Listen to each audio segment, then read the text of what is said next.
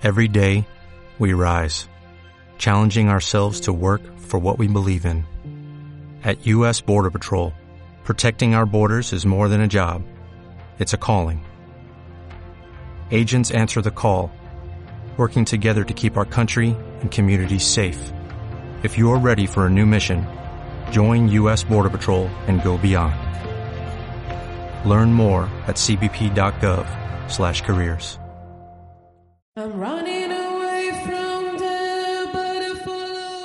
Podcast Os 21 do Camiño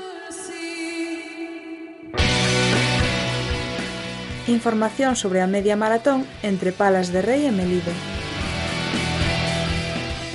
Se queres saber como afrontar a media maratón aos 21 do camiño, escoita este especial, onde falamos sobre consellos a ter en conta antes, durante e despois da carreira. Música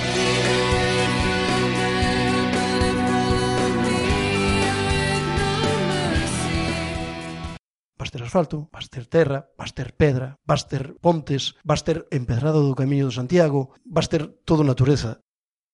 Estamos esta tarde de sábado con César Buján e José Penas para facer un especial sobre eh, técnica e aspectos técnicos do, do recorrido e a ter en conta como corredores. Vamos a empezar charlando con César, que nos vai contar consellos para tomar antes da carreira. Boas tardes, Jorge. Así como consellos un pouco para tomar antes da carreira, pois hai que salientar que trátase unha carreira de 21 km, co cal xa implica pois, unha distancia un pouco a ter en conta non son 5 nin 10, eh, implica xa ter unha preparación, unha condición física xa axeitada para poder concluíla con, con garantías, non? Non vamos a meternos aquí en pautas o mellor de adestramento, que tipo de adestramento seguir, pero sí pois salientar eso, non? Que hai que polo menos eh, o que queira probar, eh, se anima a correr esta carreira, que haxa polo menos corrido dous tercios da distancia, a a lo menos algunha vez na súa vida, non? Eh, sobre todo pois en fechas cercanas a, a carreira. O sea, que a xente que non correu a lo menos 15 kilómetros que non, non se debería meter con esta carreira de golpe. Todo pode ser moi relativo.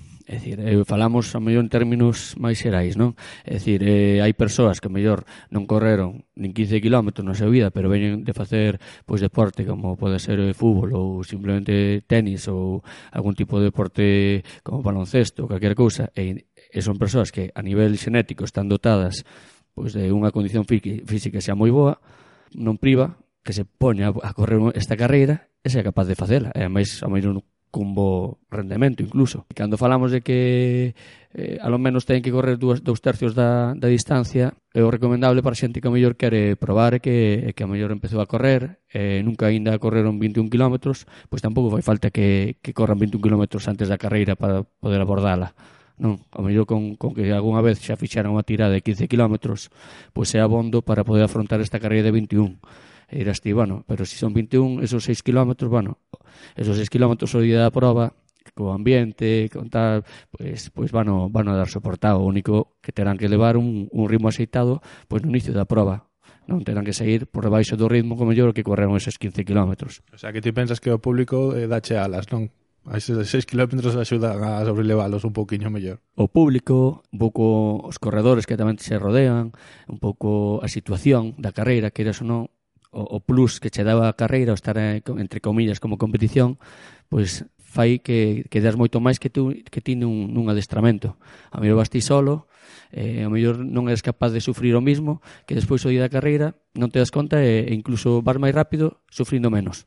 É curioso. Vamos a pasar yo o micro a apenas a ver que, que opinas sobre este tema. Pois opino exactamente o mesmo. Para afrontar os 21 km creo que unha persona que nin, nunca fixera deportes e queira aventurar eh, nesta carreira, pois tería que nos días previos, semanas previas, pois ter eh, acadado en adestramento unha distancia de sobre 15 km sería axeitado. É certo que pasa moitas veces, pasou, pasou a min, enfrentándome a algún reto aí atrás de unha carreira de 60 km ou por aí, nunca adestrara máis de 25, 30, e o día da carreira estás aí, e, empuxado polo resto de compañeiros, estás, estás correndo xunto a eles, dis, porque non vou a seguir? Claro que hai que está ter unha condición física xeitada, pero pero bueno, que o ambiente axuda moito, o día da competición sempre sempre se dá máis do que do que un cree que que dá.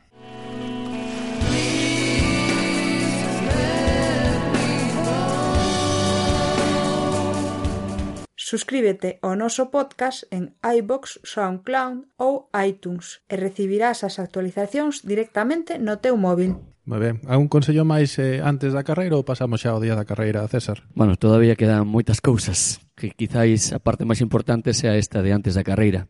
Non, tamén despois en, o segundo máis importante será o durante e logo pois por último o despois, non? Que de, igual non é tan tan salientable, pero sí que antes pois outros aspectos moi a ter en conta, lle recomendamos un pouco a xente eh, que se lea o reglamento, para empezar, que preste atención un pouco ao recorrido que xa geralmente pois, xa, xa está a organización xa ten máis ou menos todo todo escrito e que preste tamén atención a onde están os puntos de habituallamentos vale para un pouco pro, pro, programar ou planificar a carreira. Pena, sabemos xa onde van estar esos puntos de habituallamento? Pois sí, sabemos que aproximadamente estarán sobre o kilómetro 7, sobre o 12, eh, sobre o 17, 18, tres puntos de habituallamento, máis o habituallamento final de meta, eh, sempre estamos preparados por se ven un día de calor como veo o ano pasado para aumentar outro outro puntin, outro punto máis de, de avitollamento porque é importante loitar contra a deshidratación nunha carreira así nun día como veo o ano pasado. Máis cousiñas, César. Bueno, pois outro aspecto moi importante que pertencente aquí o antes sería pois o que no argot ou no mundillo coñecemos como tapering, que decir o, o chegar descansado a carreira, vamos, a esa cita, o 25 de xuño, digamos que o corpo este en plenas condicións para, para afrontala, que non chegue cansado. Non debemos de facer nesa semana ou nesas dúas semanas cousas moi exigentes. É dicir, eh, non pode ser que corra 15 km pois o día antes, por exemplo, ou dous días antes. O de meterse un trail a semana anterior non é recomendable, non, para vir aquí. Se é en competición, non. Se é unha competición a semana anterior, pois non é do máis recomendable. E aquí, pois volvemos un pouco a matizar. Todo depende. É dicir, estamos contando dunha boa preparación para esa cita. Se ao mellor eh, vas escaso de kilómetros e a preparación, imagina que empezamos la hora esta semana, pois non priva que esa semana anterior aínda tenes que estar acumulando algo de traballo. Sí. Ora, si, si ti xa empezaches esta preparación pois con dous meses ou tres meses de antelación, si que tens máis tempo para facer esa descarga esos 15 días antes ou esa semana antes. Todo depende, por iso que hai que un pouco matizar, non, todo todo eso. Sí, pero gustaríame que aclararas un pouquiño máis, o sea, durante esos 7 ou 15 días anteriores non hai que facer absolutamente nada ou facer moi poquiños kilómetros cada, cada día. Non, algo hai que facer, senón perder a forma trátase de, de un pouco reducir o volumen, xogar un pouco que intensidade, un pouco cas cargas eh, de entrenamento en sí. E senón, pues, bueno, temos aquí a José que tamén pode falarnos un pouco un pouco deso vou mostrar, mostrar unha analoxía co, co tema de estudiar, que tes un examen o LUNS E igual dim, no, pois a noite do domingo descansa ben e tal, porque xa está o traballo feito. O caso é que se non estudiaches nada, pois o domingo á noite vas ter que, que estudiar se queres sair pa diante, pois o mesmo ca, co tema da, da preparación a semana anterior, se o sábado anterior, o domingo anterior, pois non é mal que, que algún compita un pouquiño ou se forza un pouco porque igual leva ben baixo de preparación e despois chegalle con descansar o, o resto da semana. Pero sí, o que fala de baixar volumen de kilómetros, baixar intensidade, estaría ben. Aí eu teño experiencia tamén de algún compañeiro que, o, que en edicións anteriores, pois que non se ve capaz, digo, é que son 21 km, teño que probar e tal. Collen eh, a metade de semana, proban a facer os 21 km eh, por máis que digas que non. E que se non noto que non vou dar acabado, o, non sei se dou acabado, eh, sempre lle repites que sí, home, que sei, que, que acabas, que con que teñas feito 15, o día da carreira vas a acabar, eh? e hai que encolle fai os 21 e despois chega máis cansado a prova, e, e bueno, pode ser que seña un poquinho peor eso, pero Pois seguimos con máis conselliños para antes da carreira con César. Bueno, pois eh, outras cousas que debemos ter en conta, así antes da carreira, pois é unha boa preparación de material, sí? E con boa preparación de material nos referimos a o día da carreira non estrenar zapatillas, por exemplo, non estrenar roupa, levar preparado, por exemplo, ensayado e practicado a hidratación, o tema da alimentación o día da carreira, ese tipo de cousas hai que telas xa probadas antes, para que o día da carreira nos atopemos con algunhas sorpresiñas que poden que poden aparecer. Escríbenos brevemente como faz ese ensaio de, de hidratación e de alimentación. Pois ese ensaio de hidratación e de alimentación o faz en adestramentos anteriores, por exemplo, as tiradas longas soen facerse nos fines de semana que cando a xente ten máis tempo, non?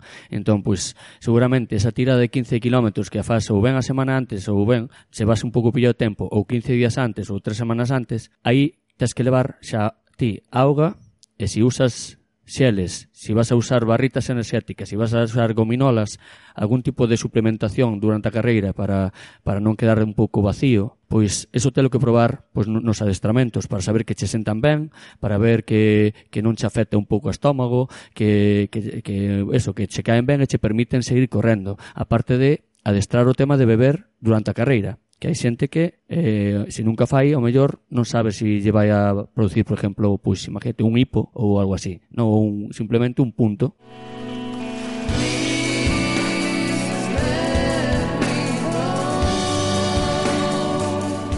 Podes atopar este podcast buscando os 21 do camiño en iVoox, SoundCloud e iTunes. Queres comentar ti algo ao respecto, Penas? Nese tema de levar preparadas as cousas, o de, da roupa, non, non estrenar roupa, non estrenar zapatillas, non estrenar calcetins, pois ten un problema que pode aparecer eh, en carreira son as, as rozaduras, que xente que igual non non correu durante os seus 21 km ou as dúas horas que lle poida levar facelos ou dúas horas e media, que sí que adestrou os 15, pero non lle apareceu un problema que eh, o problema das rozaduras, que habría que subsanalo pois con vaselina ou a, hai corredores que unha zona típica de rozaduras son os pezóns, hai persoas que se protexen os pezóns con, con tiritas ou, ou, ou vaselina probar unha camiseta que non che roce tamén, que roce menos posible, pero a veces tan necesario utilizar vaselina ou algunha crema antirrozaduras. Pois polo da hidratación, pois o, o mesmo, probar a, a hidratarse no medio dun adestramento para ver se, se és capaz de beber mentras estás correndo ou, te, ou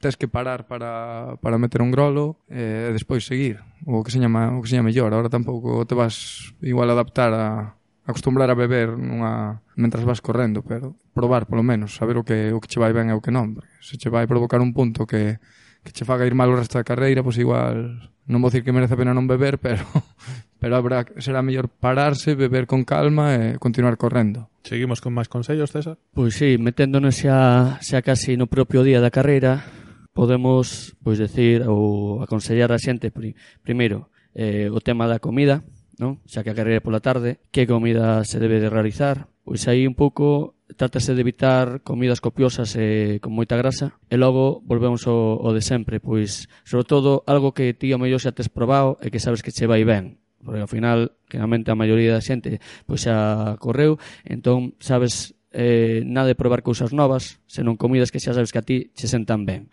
Generalmente suele ser a base o mellor de, de pasta ou arroz ou cousas así, e tampouco non moi copiosa, porque, bueno, a carreira, aínda que se retrase un pouco este ano, ou ben adiantamos esa comida hace unha hora da unha ou así, ou se é máis, temos que, por exemplo, xantar as tres, Pois claro, con tan pouco tempo non pode ser moi copiosa porque non dá tempo casi a facer a digestión se é unha comida moi moi copiosa. Xa comentou antes José o tema das rozaduras, o tema da vaselina, es, eh, de esparadrapo que eu xa tiña aquí un pouco en mente comentar. Eh, queríamos, bueno, tamén facer un pouco unha mención hacia a mellor as zapatillas, que tipo de zapatillas coller para ese, para ese día, non? Porque xa que é unha carreira un pouco mixta, hai moita xente que se pregunta se si corre cunha zapatilla de asfalto ou corre cunha zapatilla máis de monte, máis trailera. Eu aquí, pois, eh, recomendo, se si alguén non ten zapatillas propias de trail, pois que non as compre, porque a carreira podese facer perfectamente con a zapatilla de asfalto. Tamén vai a depender moito do día que saia